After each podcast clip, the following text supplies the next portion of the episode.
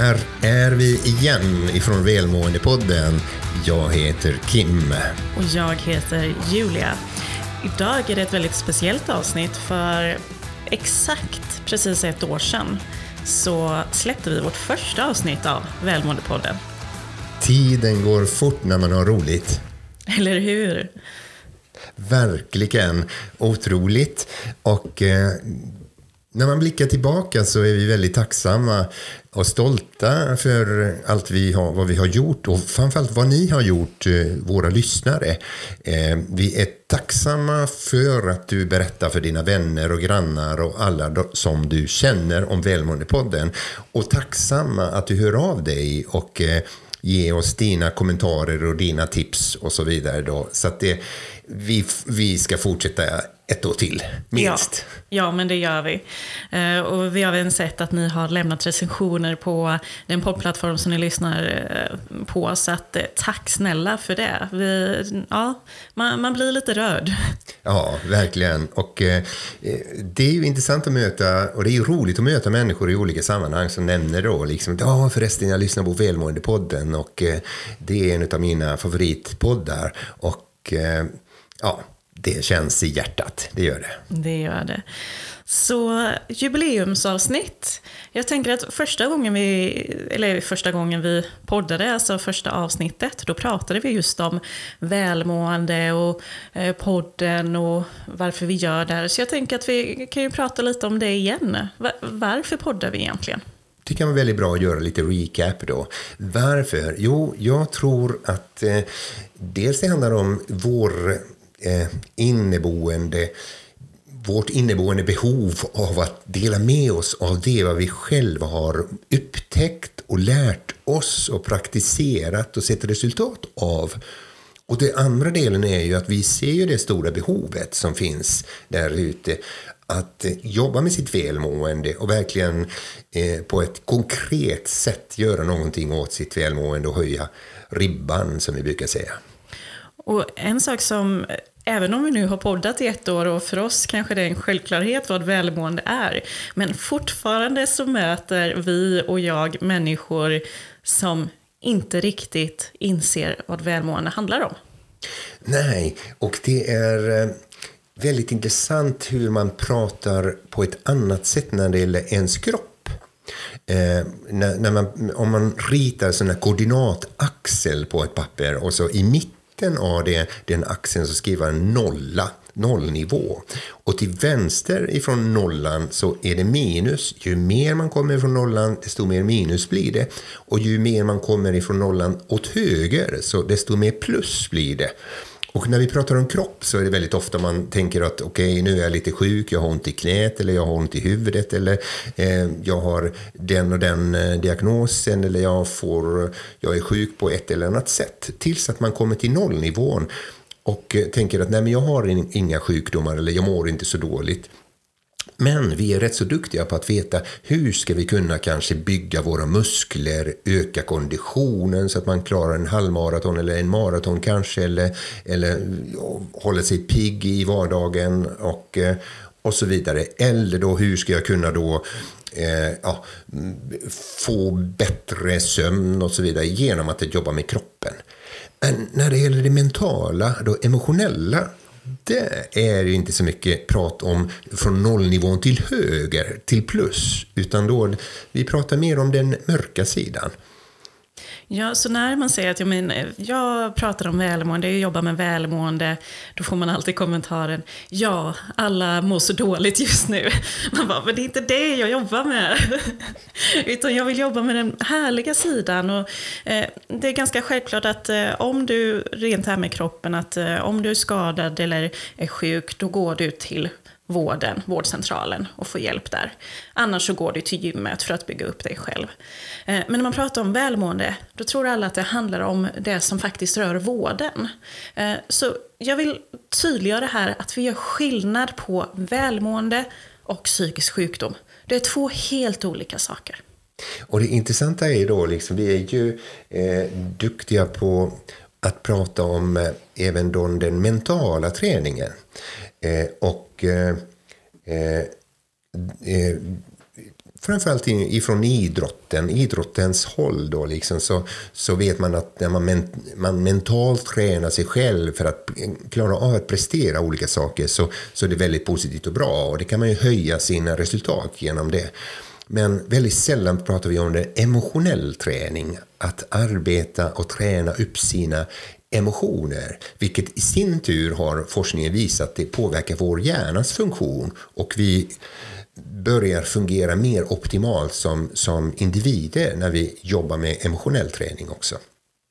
Så emotionell träning, mental träning, eh, välmående. Vad, vad, kan man göra och vad handlar det här egentligen om? Eh, jag, brukar, jag brukar ju då liksom eh, eh, ibland försöka skapa någon skala då, om man har då en skala av då Eh, sju olika nivåer då, eller då ens välmående då. Längst ner då i skalan, eh, första trappan är det ju, jag mår dåligt. Jag mår dåligt, jag, det är lite pissdag idag och så vidare då. Till nästa nivå, jag mår inte riktigt bra. Och då är man på den nivån att man inte riktigt... Eh, det finns några saker som, som, som finns där ändå som är positiva, men, men för det mesta är det inte riktigt bra. Och det, tredje nivån är, man brukar säga, det knallar och går.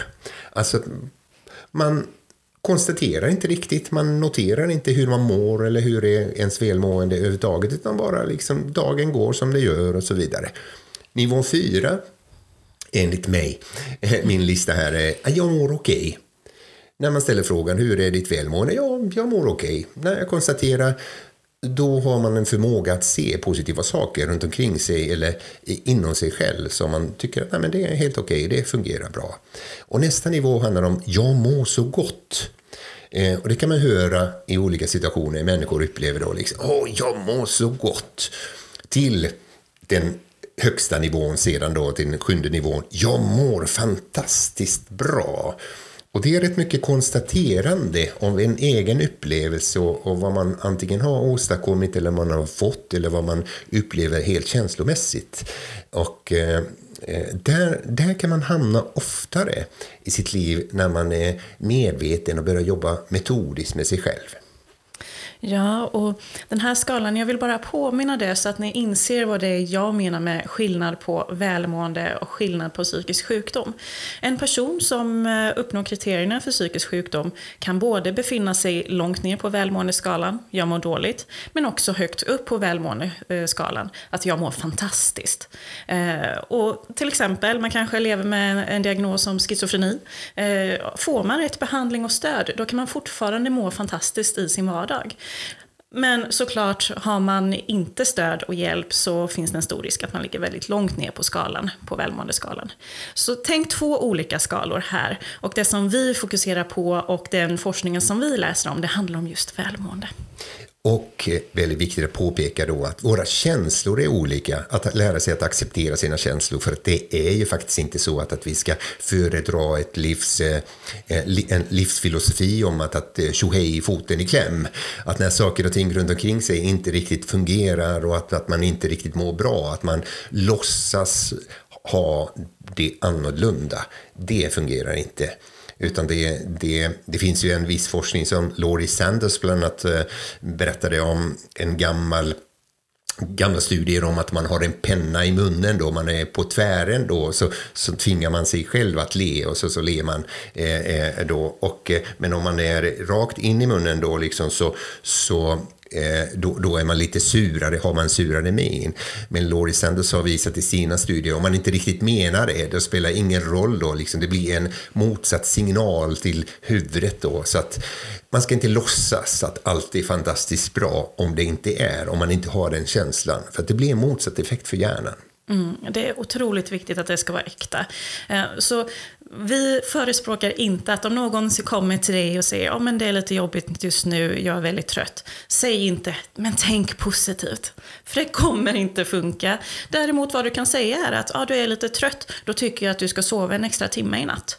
Och det i sin tur, när man agerar annorlunda, då kan det i sin tur skapa positiva och härliga tankar också. Och det är ju så liksom att välmående handlar inte så mycket alltid om, det handlar inte om positivt tänkande, men väldigt mycket positivt görande.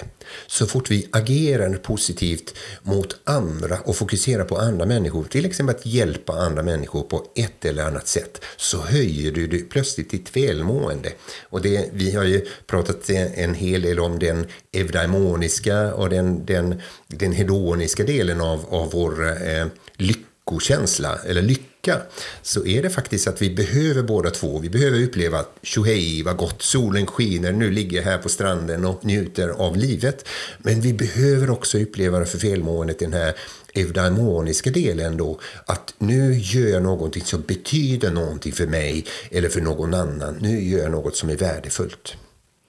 Så du, nu när vi släpper det här avsnittet, om du lyssnar eh, när vi väl släpper, så är det ju ungefär i mitten på januari. Så då undrar jag, hade du några nyårslöften som du tänkte yes, nu ska jag börja med nya rutiner, nya vanor, nu ska jag göra det här. Har det verkligen funkat? Så fundera tillbaka, men vad är det egentligen för mål och löften som du satte upp och varför satte du upp dem? Handlar det om att du faktiskt vill må bättre? Finns det någon liten, liten sak som du kan fokusera på istället för alla de här stora sakerna? Och det intressanta är att när du börjar ändra, fokusera på dina vanor istället för bara slutresultatet.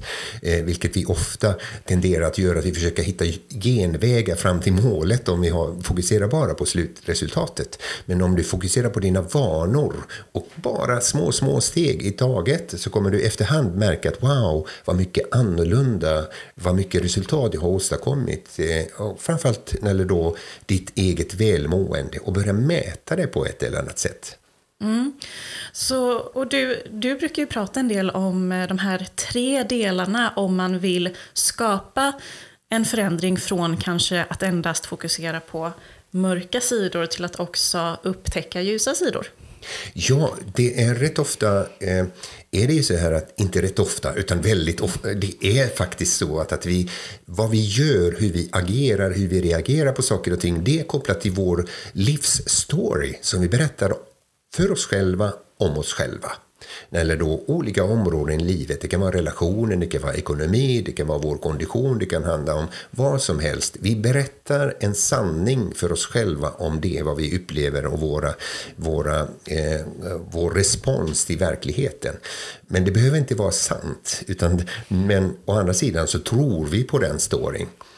Man kan ändra den storyn och, och, det är de här tre olika sakerna som jag tycker är väldigt viktigt.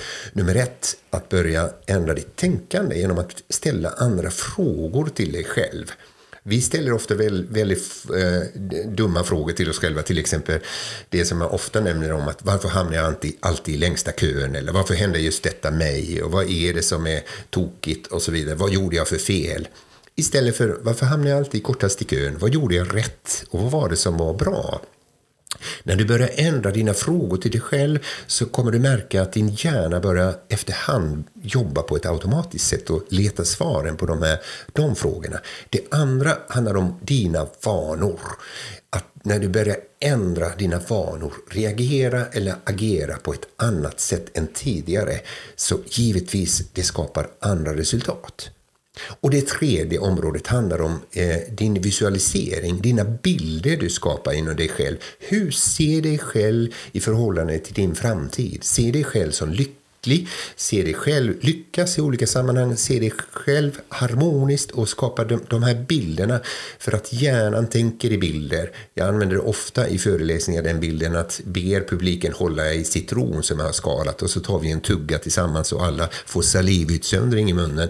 Och det är bara bevis på att hjärnan tänker i bilder. När du skapar, istället för att skapa hotfulla bilder och vad var det som eventuellt skulle gå fel, så börjar du mer och mer mentalt skapa positiva bilder för dig. Och det hjälper din hjärna att, att reagera på ett annat sätt.